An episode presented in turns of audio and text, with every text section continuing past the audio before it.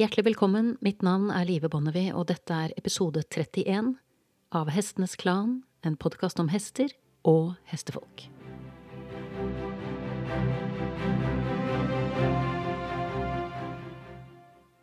Jeg har i løpet av de siste årene deltatt i mange diskusjoner om hvem vi er, eller hvem vi ønsker å være i hestens liv, hva slags ryttere vi vil være, i den grad vi fortsatt definerer oss som ryttere, og i forlengelsen av dette, hva slags mennesker vi vil være, både i møte med hesten og i møte med verden for øvrig.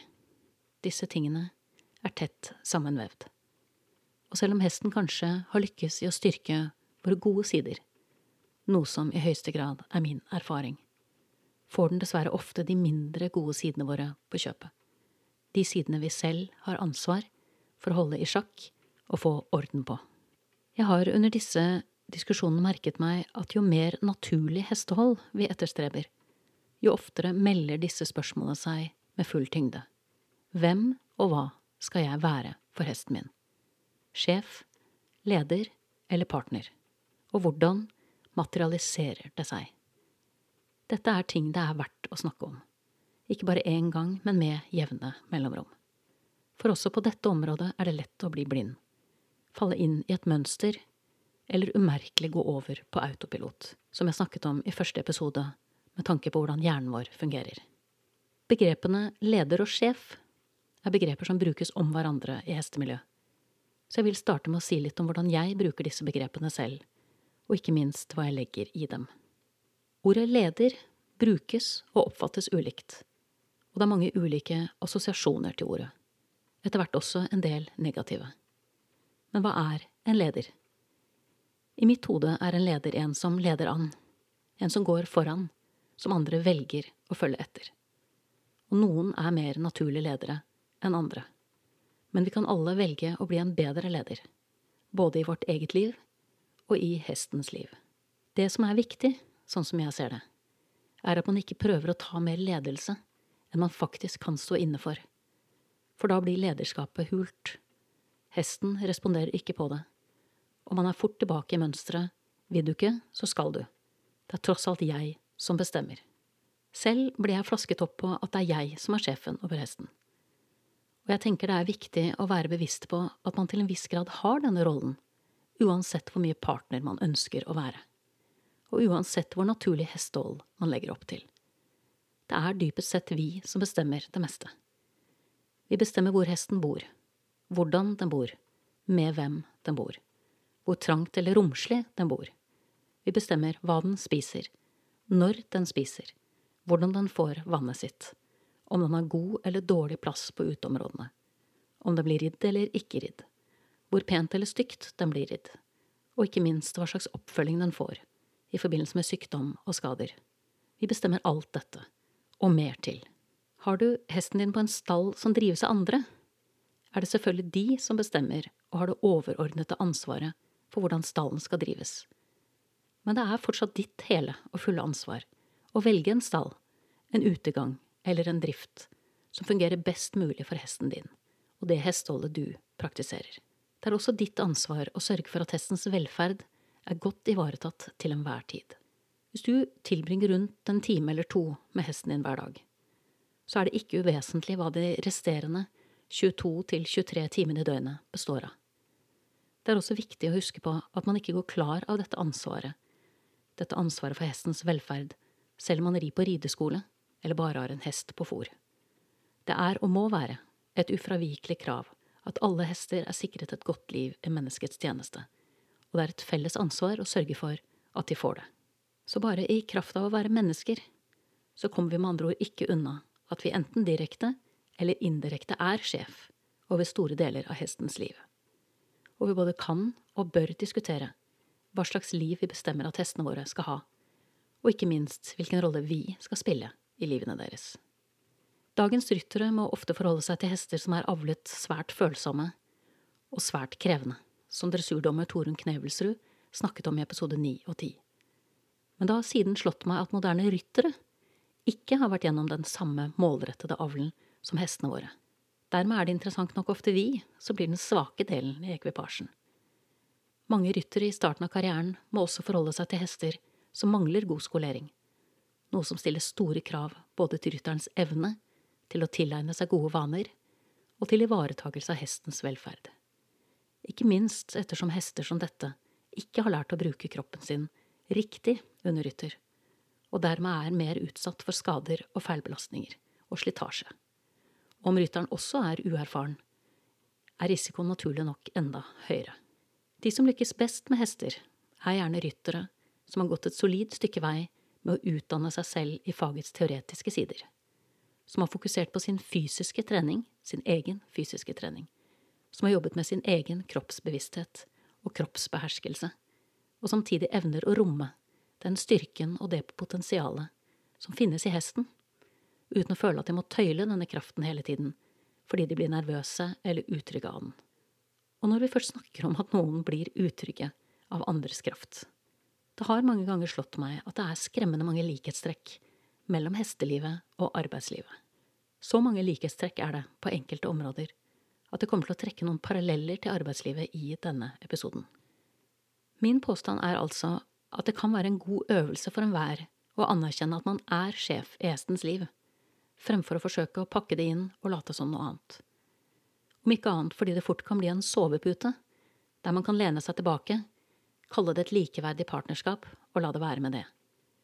For selv om dette er noe de fleste både kan og bør strekke seg etter, bør vi før vi kommer så langt, aktivt ha tatt stilling til hva slags leder vi ønsker å være i den delen av hestens liv vi bestemmer over.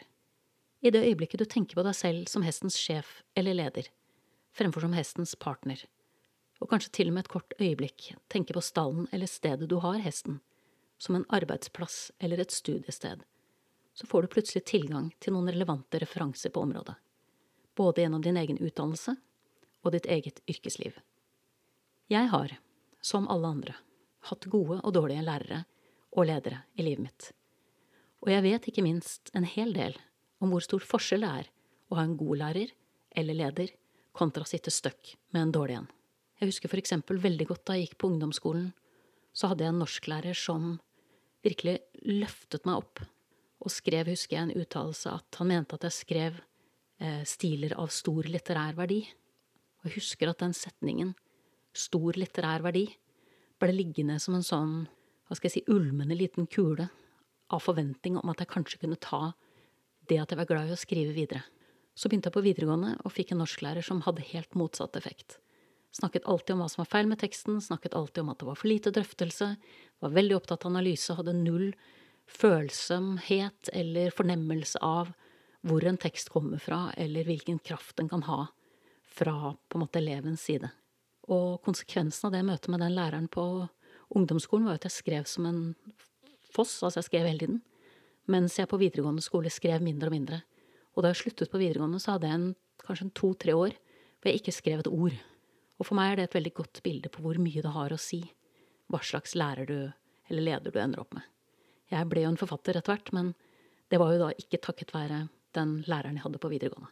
Og jeg tenkte sånn sett at jeg i denne episoden skal gi noen eksempler på mine erfaringer og refleksjoner som i sum er egnet til å illustrere noe av dette spennet mellom hva som skiller en god leder og en lærer, god lærer fra en dårlig en.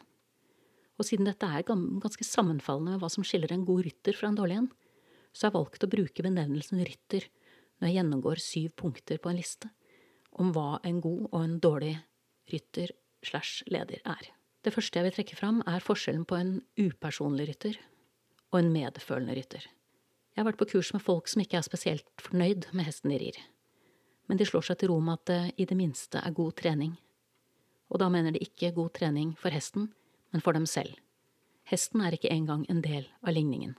Og hvis dette er innstillingen, da tenker jeg at man heller bør dra på treningssenter, ta seg selv i nakken og drive med egentrening fremfor å forvente at en hest skal drasse rundt på oss. I motsatt ende av skalaen har jeg også vært på kurs med ryttere som stiger av fem minutter ut i økten med en trener som er flydd inn fra utlandet, og avbryter timen fordi de kjenner hesten sin godt og ikke vil kreve noe av den når de merker at det er noe som ikke stemmer. Det har også hendt at toppryttere har gjort det samme med fulle tilskuerbenker, der det er forventet at de skal levere varene. De har kanskje til og med fått betalt for det. Det er dette som er å sette hesten ordentlig foran, altså sette hesten først. Relasjon og følelse utgjør en viktig del av all håndtering og ridning. Det er viktig å skjønne hvor hesten kommer fra, og det er viktig å være i stand til å møte den der. Og når vi snakker om hvor hesten kommer fra, så pleier jeg alltid å tenke at jeg har en fordel som er kvinne. Jeg har snakket om det i tidligere episoder også, at jeg anser jo at hesten og kvinner har en ting felles i forhold til at vi begge på et visst nivå er byttedyr. Så jeg vet noe om hva det vil si å gå ned en mørk gate og føle at det er noen som kan gjøre meg vondt eller er i nærheten, at jeg går litt på nåler, kjenner liksom pulsen går litt høyere, kjenner pusten blir litt grunnere. Den derre måten man er alert på ned den mørke gaten, det er noe som jeg har tatt med meg i stallen og tenker det er vel strengt at sånn hesten min har det hele tiden. Så jeg anstrenger meg virkelig for å møte den der den er. Jeg tenker også at en god rytter tenker vi, mens en dårlig rytter tenker jeg. En god rytter fokuserer på hestens iboende ressurser, og har ikke minst et realistisk perspektiv med tanke på hvor stort potensial hesten faktisk har, hvilken personlighet den har, hvilket vesen den er født med, og sist, men ikke minst, hva den trives med eller har anlegg for. En god rytter er også i stand til å fornemme hvordan hesten best kan utvikles og motiveres til å hente ut det beste i seg selv. En god rytter snakker ikke om at hun selv har fått til noe, men tar alltid hesten med i ligningen. Jeg starter ikke Grand Prix. Vi starter Grand Prix. Vi som i hesten og jeg. En god rytter fremhever hestens gode egenskaper og ferdigheter og bygger videre på dem, mens en dårlig rytter nøyer seg med å klage over alt som ble feil, og fokuserer på nederlagene. Og kanskje til og med fokuserer på manglende entusiasme eller latskap fra hestens side. Men når hadde du sist en sjef som motiverte deg ved å klage og syte over alt som ikke fungerer? eller terpe på alt du ikke fikk til. En god rytter spør først og fremst hvorfor en hest skal gjøre en øvelse, ikke hvordan. Hvordan er spørsmål nummer to. Jeg tenker hvor mye det har å, å si for meg også som en arbeidstaker at jeg har en sjef som både ser meg, anerkjenner den jobben jeg gjør, og som jeg får en type kontakt med, respekt for, og det er en type lojalitet der også. Eh, jeg har et ganske godt eksempel på to veldig ulike sjefer jeg har jobbet for. Det er et eksempel som starter uh, klokken fire om ettermiddagen, i det øyeblikket arbeidsdagen egentlig er over. Den ene sjefen, som jeg opplever som en dårlig sjef, er veldig fornøyd når han går fra kontoret den dagen og ser at jeg fortsatt jobber, fordi vi har en deadline hengende over oss uh, som både han og jeg vet at det er kritisk at vi når.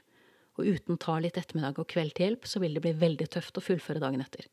Så han er fornøyd, har et litt sånn fårete flir akkurat når han går ut av døren og sier god helg, for dette er kanskje på tampen av en lang uke. Og så sitter jeg igjen med jobben. Så det er den ene typen sjef jeg har hatt. Og den andre typen sjef jeg har hatt, i akkurat samme situasjon, hvor det er en deadline, hvor det er noe vi prøver å rekke, skal til å gå klokken fire og insisterer på at jeg går samtidig. For nå er arbeidsdagen over. Og så kan jeg protestere og si, men vent nå litt, vi har jo ting som rekkes, deadline osv., osv., og da er hans eh, innfallsport da at det er noe vi skal rekke sammen, men nå er dagen over, og nå skal vi hjem og hente oss inn. Så det å ha en god sjef, det er å ha noen i ryggen din, både når du leverer og ikke leverer. En som står opp for deg når det trengs. Og man merker veldig godt som arbeidstaker om man blir ivaretatt eller ikke. Og det utgjør en enorm forskjell, både med tanke på kortsiktig motivasjon, og ikke minst med tanke på langsiktig helse. Der gode ryttere ser etter muligheter og løsninger, så ser dårlige ryttere primært etter begrensninger og problemer. Tenk nøye etter hvem av disse ytterpunktene du vil representere. En dårlig rytter bruker hester, mens en god rytter utvikler dem. Var det noe jeg lærte på klinikkene med Jean-Luc O'Neill og Klaus Ferdinand Hemfling, så var det at dersom du inspirerer eller fasiliterer en sunn, balansert og riktig bruk av hestens kropp, så vil hesten din elske deg for det, og den vil ønske seg mer, fordi alle levende vesener liker å kjenne sin egen kraft vokse, liker å kjenne sine egne evner utvide seg, og liker å kjenne sin egen kapasitet bli større. Trening av hest trenger ikke være tvunget fysisk belastning. Jeg er ikke alene om å droppe ridningen hvis hesten ikke møter meg med iver og entusiasme. Det er mange som velger å gjøre det på den måten, at man lar hesten være med på å styre om det skal ris den dagen eller ikke. Trening skal være inspirerende, og gjerne kjennes ut som en oppbyggende velvære. Man må bare vite hva man driver med. Det er ingenting som er mer inspirerende enn en hest som byr på noe fordi den kan, og vil og ønsker det. En hest som er våken, påslått, har eget initiativ og en egen stemme som den er vant til at blir hørt. Jeg har opplevd å ri på tur med folk som påpeker at hesten min er så våken og påslått på en måte som de ikke er vant til, og da pleier jeg alltid å tenke at det er hesten min som er den egentlige normalen for en hest. Problemet er snarere at altfor mange hester er delvis eller fullstendig avslått. Og når vi først snakker om avslått, det er få ting som er mer forstemmende enn å være vitne til at hester blir kjørt i dass, eller ofret i vår iver etter anerkjennelse, pokaler, penger eller resultater. Hvor mange hester, unge hester, blir veid og funnet for lette i løpet av et år.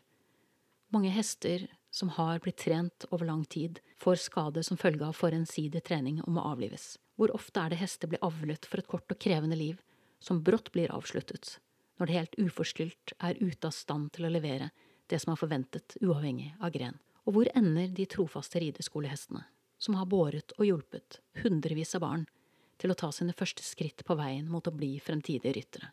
Jeg har selv besøkt to steder i Skandinavia, der hester som er brukt og kastet av andre, får muligheten til å få en verdig avslutning og alderdom. Og de fortellingene jeg hørte der, fortjener en egen episode. En dårlig rytter skaper frykt. En god rytter gjør seg fortjent til tillit. I arbeidslivet så viser forskningen at det er 50% større risiko for høyt sykefravær på arbeidsplasser der sjefen skaper en fryktkultur gjennom en usikker, kontrollerende stil, der de ansatte stadig overprøves, eller deres prestasjoner stadig underkjennes. I grell kontrast til arbeidsplasser der de ansatte opplever å bli støttet, oppmuntret og sett av lederen sin. I hestens verden gir det for eksempel ingen mening å snakke om dominans og underkastelse når man driver en hest rundt i en rundpaddock for å utløse en såkalt join-up. Ei heller gir det mening å slå løs på en hest eller utsette den for annen smerte i håp om at den skal gi seg, for det gjør den ikke. Den leter bare konstant etter et sted som er fritt for press og fritt for smerte. Det å leve med frykt og uforutsigbarhet, noe vi har fått et særlig stygt eksempel på under den 45. amerikanske presidentens regime, det bringer ikke fram det beste i folk. Utrygghet avler ikke fremgang. Utrygghet avler ikke evnen til å lære, bare frykten for å gjøre feil.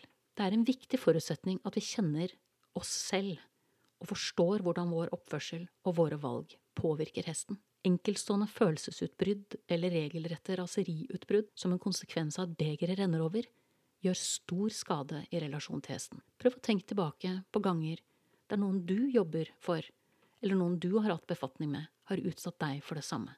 I likhet med hesten så glemmer du det aldri. Jeg har selv bare opplevd en håndfull slike situasjoner gjennom et langt liv, men de sitter i, og det er alltid det første jeg tenker på når jeg treffer vedkommende igjen. Det blir som en overskrift eller kanskje en advarsel, selv om faren for at det skjer igjen med samme person, i mitt tilfelle, er tilnærmet lik null. For at noen skal kunne skjelle deg ut, eller trakassere deg, må du være uforberedt, og til en viss grad faktisk akseptere at dette gjøres. For hvis du står støtt og ikke lar deg ramme, så kommer ikke de som prøver å krenke deg, noen vei. En leder som biter deg av, glefser til deg eller setter deg på plass i plenum, får heller ikke vist seg fra sin beste side men jeg prøver ofte å huske på at det gjerne er en utenforliggende faktor som ligger til grunn i sånne situasjoner. Lederen har kanskje selv kniven på strupen fra sin sjef igjen, bunnlinjen er kanskje blodrød, resultatene er for dårlige, og han eller hun er kanskje såpass presset opp mot veggen at det er lite å gå på. Jeg tenker at det duger som en forklaring, men det er ikke en unnskyldning. Det som er viktig å ta inn over seg, det er at det ikke vokser gode kolleger, ei heller gode relasjoner til hester, fram av slike erfaringer. Hvis man mister motet, mister man også evnen og viljen til å tenke fremover. Vi kan alle nå dette punktet med hestene våre der raseriet eller frustrasjonen tar overhånd. Ikke minst når vi er under et ytre press i form av forventninger eller ambisjoner.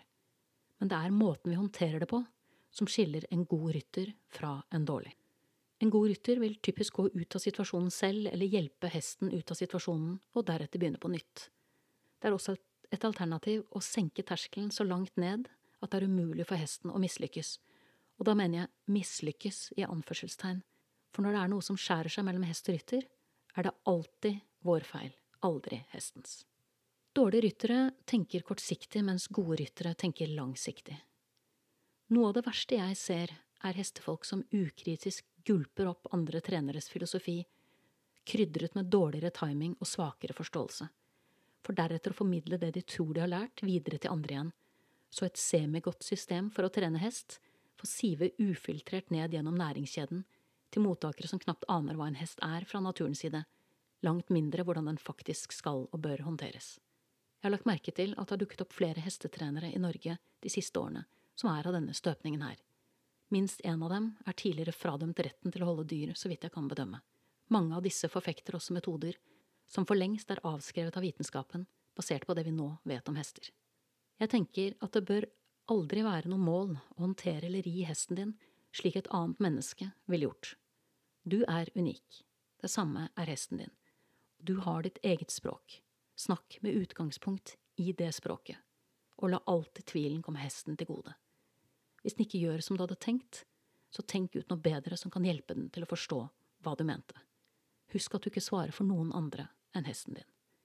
Lær så mye du kan om hestens atferd, dens fysikk og syke, og lær for all del alt du kan om biomekanikk og ridning i balanse. Husk at til syvende og sist er hesten din den eneste som kan lære deg hvordan akkurat han eller hun trenger å bli håndtert, ridd eller holdt for å leve et fullgodt liv. Som Per Våle snakker om i episode fem og seks, det finnes ingen quick fix. Hvis du har klatret opp på toppen av et fjell og med den nye utsikten får syn på et annet og enda høyere fjell du heller vil bestige, da må du gå ned i dalen igjen før du kan begynne å klatre opp på nytt. Det kommer til å bli tungt, det kommer til å bli slitsomt, men det finnes ingen andre alternativer. Ikke i håndteringen, og ikke i ridningen av hester. Du må starte med grunnmuren hver gang hvis du skal bygge noe nytt. Jeg tenker videre at en dårlig rytter fokuserer på resultater, mens en god rytter fokuserer på veien til dem. Alle som har trent hardt fysisk selv, vet at det mentale er en svært viktig komponent. Og dersom man for eksempel spiller på et lag som gjør det dårlig i en kamp, og all treneren fokuserer på er den elendige plasseringen man ligger an til å få i cupen, har man allerede satt neste kamp på spill. Det man trenger er oppmuntring og hjelp til å lykkes bedre neste gang. Ingen gjør seg dårligere enn man er med vilje. Å terpe på ting, eller perfeksjonere momenter, bør for all del unngås med hester. Variasjon, lekenhet og mestringsfølelse er avgjørende. Uten treningsglede og et naturlig fremad er ridning en meningsløs øvelse. Som rytter starter du alltid neste økt der du sluttet den forrige, og selv om du kan tillate deg å ha et langt perspektiv under treningen, så er det viktig at testen får mulighet til å være på det nivået den er, og at du møter den der. Noen ganger er det to skritt frem, noen ganger er det tre tilbake. Men hvis det stadig er behov for å ta noen skritt tilbake, så betyr det alltid at du har gått for fort frem. En dårlig rytter er sjef, en god rytter er partner. Selv om jeg mener det har verdi å ta inn over seg omfanget av rollen vi spiller i hestens liv som sjef eller leder, og trekke veksler på erfaringer fra arbeidslivet, så er partnerskapet det ultimate målet for de fleste av oss. Jeg har hatt ledere i arbeidslivet som har mestret denne rollen til fingerspissene. Vært ledere, men samtidig vært sterke, lojale og pålitelige lagspillere. Og det er en slik rolle jeg vil ha i livet til hesten min. En rolle der jeg tar eierskap og ansvar i lederrollen, som uunngåelig følger med hesteholdet, men forvalter den godt og fri for krav om det å skulle være sjef til enhver tid. Ut av min egen yrkeserfaring har jeg høstet mye som jeg har hatt utbytte av i møte med hestene, og vice versa, ikke minst med tanke på hva slags menneske jeg vil være i møte med andre. Min leder kan foreslå at vi skal gå en tur midt på dagen under et seminar. Ikke dermed sagt at han bestemmer eller har behov for å bestemme akkurat hvor vi skal gå. Ikke dermed sagt at ikke vi kan stille spørsmål med hvorvidt det er vær for en tur utendørs akkurat da. En leder kommer i første rekke med et forslag basert på sine erfaringer fra lignende prosesser, og erfaring er verdifullt. Så det trenger ikke være et krav om at det må bli akkurat sånn eller sånn. En leder kommer med forslag, og hvis vi har erfaring for at han eller hun vet hva hun driver med, så har vi en lav terskel for å takke ja. Tillit er som kjent ikke noe man kan kreve, verken med hester eller folk, det er noe man gjør seg fortjent til. Lederskap handler om å foreslå noe på bakgrunn av noe og dette noe er gjerne fundamentert i en type erfaring eller en vilje om å få til noe. Men hvis forslaget ikke er gjennomtenkt eller godt fundamentert, så må man fort finne en annen vei inn. Og det har gode ledere null problemer med. Det interessante med å knytte ridning opp til arbeidslivet er at det går begge veier. De erfaringene du høster av med hestene, er også gull verdt i arbeidslivet. Ikke bare gjør de deg til en bedre leder, en bedre kollega, de gjør deg mer disiplinert, modigere og ikke minst mer effektivt. For det er ikke spøk å rekke å drive med en hest samtidig som man har et fullt liv. Jeg har lyst til å avslutte med å si at det å være en god eller dårlig rytter ikke er en konstant størrelse. En god rytter kan ta dårlige valg, og en dårlig rytter kan ta gode valg. Verken lederegenskaper eller evnen til å ri godt er medfødt. Dette er ting som utvikles over tid. Mye tid. Du kan lære mye av kurs, klinikker, oppslagsverk og videoer på nettet. Men det er gjennom førstehåndserfaring og trening du høster de virkelig viktige gevinstene. Ikke vær redd for å prøve og feile. Vær mer redd for at du mister evnen til å ta ansvar for feilene du gjør, og at du ikke evner å lære av dem. Målet må alltid være å ta et bedre valg og bli en bedre versjon av deg selv neste gang. Du har nettopp hørt episode 31 av Hestenes Klan, en podkast om hester og hestefolk. Takk til min faste komponist Fredrik Blom, og sist, men ikke minst takk til deg, kjære lytter, for tålmodigheten. Måtte hesten for alltid være med deg.